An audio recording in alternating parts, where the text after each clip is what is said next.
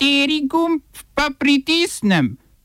Tisti, na katerem piše OF.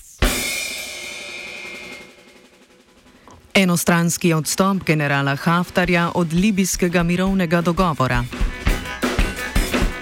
Avstrijska islamska skupnost zahteva oceno ustavnosti prepovedi nošenja hijaba v šolah. Evropska komisija predstavila finančni načrt za doseg Evropskega zelenega dogovora. Ritual očiščenja v galeriji P74.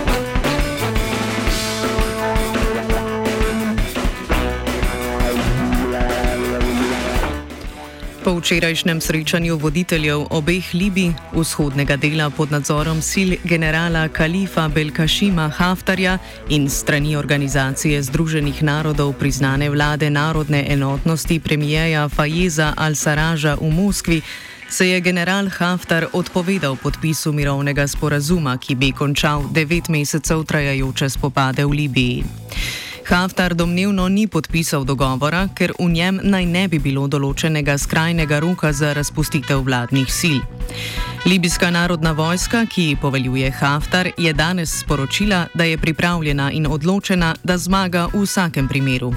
Ruske oblasti pa so sporočile, da nameravajo še naprej sodelovati z obema sprtima stranima.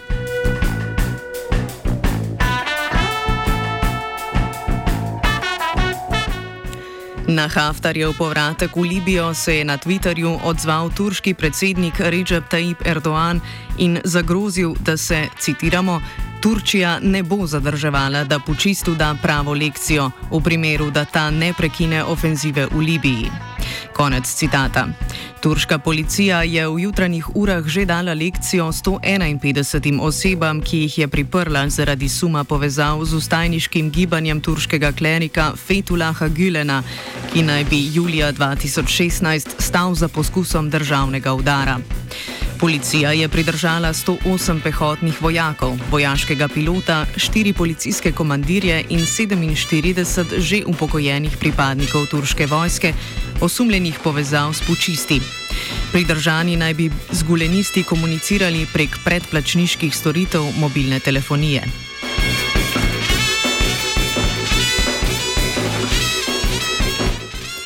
Ostajamo v trenutno najbolj nemirni regiji sveta.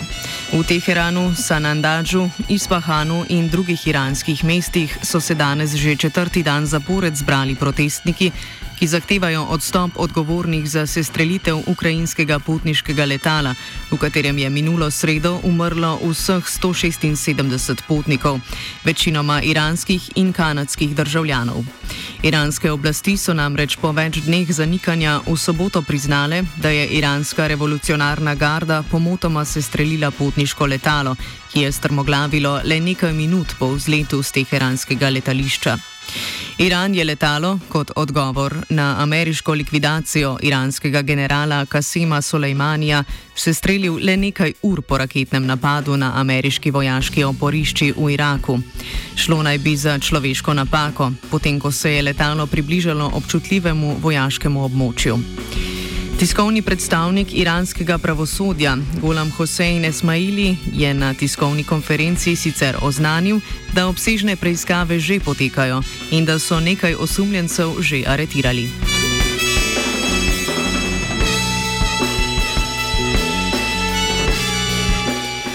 Islamska verska skupnost v Avstriji je na avstrijsko ustavno sodišče vložila zahtevo za oceno ustavnosti in prepovedi nošenja na glavnih rut v šolah.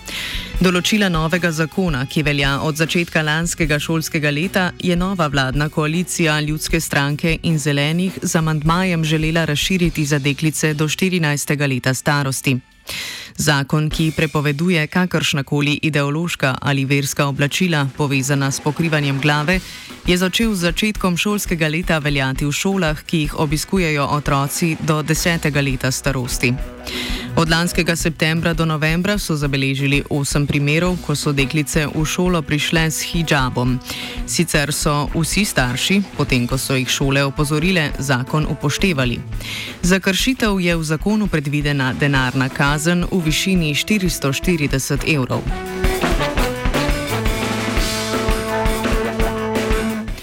Ameriška vlada je včeraj pred pričakovanim podpisom prve faze trgovinskega dogovora s Kitajsko umaknila opredelitev države kot manipulator, manipulatorke valute. Podpis uvodnega trgovinskega sporazuma po dveh letih sankcij in enostranskih ukrepov je predviden jutri v Washingtonu. Prva faza dogovora vsebuje določila, ki naj bi Kitajski preprečevala manipulacijo lastne valute za pridobivanje trgovinskih prednosti pri izvozu svojih izdelkov v ZDA.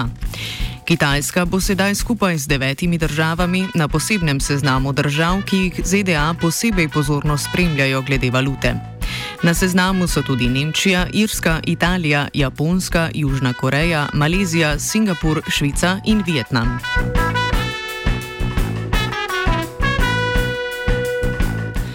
Obrambno ministrstvo Združenih držav pa je iz Ameriške pomorske akademije Pensacola umaknilo 21 kadetov iz Saudove Arabije.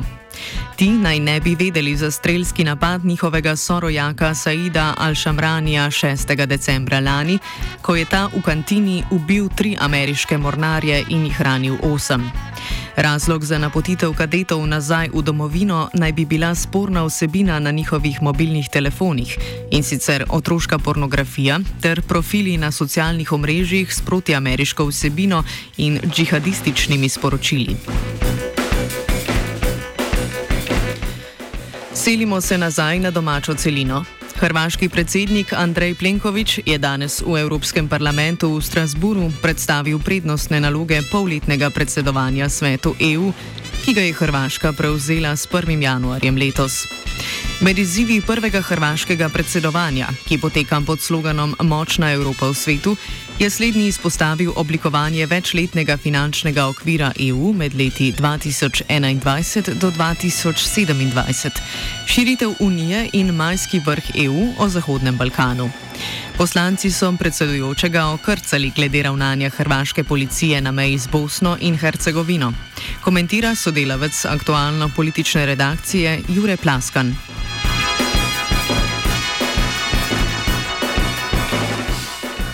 Kar se tiče teh prednostnih nalog, so bile nekako omenjene dve povezani. Eno je ta Evropski zeleni New Deal, kot nekaj, kar bo najbolj, ne vem, odmevno, najbolj, najbolj se bo o tem pogovarjalo v naslednjih šestih mesecih.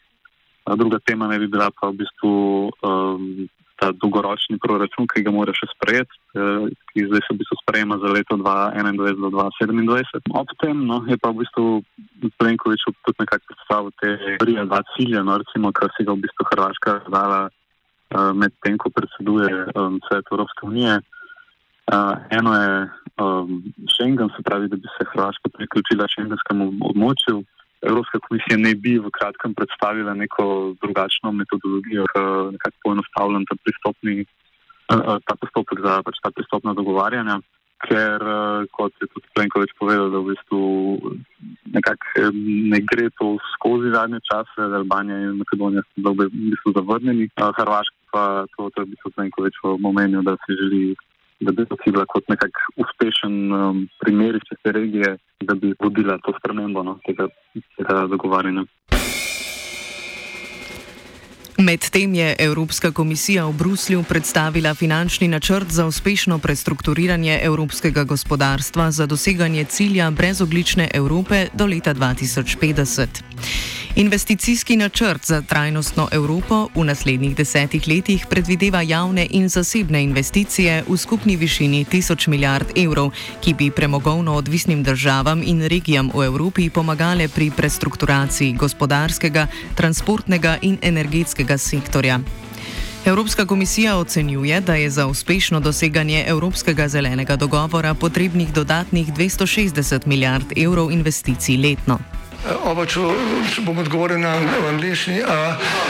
Slovenija bo poskušala pomagati.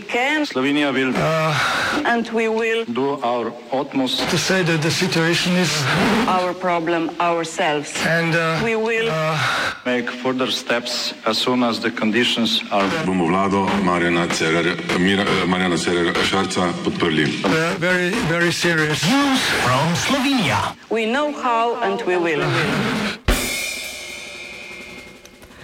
Evropsko sodišče za človekove pravice je v obravnavo sprejelo tožbo dveh slovenskih voljivcev invalidov zopr državo zaradi nedostopnosti volišč in glasovanja. Uporabnika invalidskih vozičkov sta leta 2015 pred referendumom o družinskem zakoniku prosila Državno volilno komisijo za ureditev dostopnosti njunih volišč. Državna volilna komisija, kasneje pa še upravno sodišče, prosilcema nista ugodila. Zavrnilo ju je tudi vrhovno sodišče, ustavno sodišče pa njune pritožbe ni sprejelo v obravnavo, zato sta se obrnila na ESČP. Ta po ustaljeni praksi invalidom, ki jim država krši volilno pravico ali jih diskriminira, dosodi najmanj 3000 evrov odškodnine. Društvo za pravice invalidov Slovenije je ob tem državi predlagalo začetek predhodnega postopka poskusa mirne rešitve spora. Državi predlaga izplačilo 54 milijonov evrov odškodnine za 18 tisoč invalidov, ki zaradi neprilagojenosti volišč v preteklosti niso mogli glasovati na volitvah ali referendumih. Več o situaciji v offsajdu ob petih. Off je pripravil Dugi.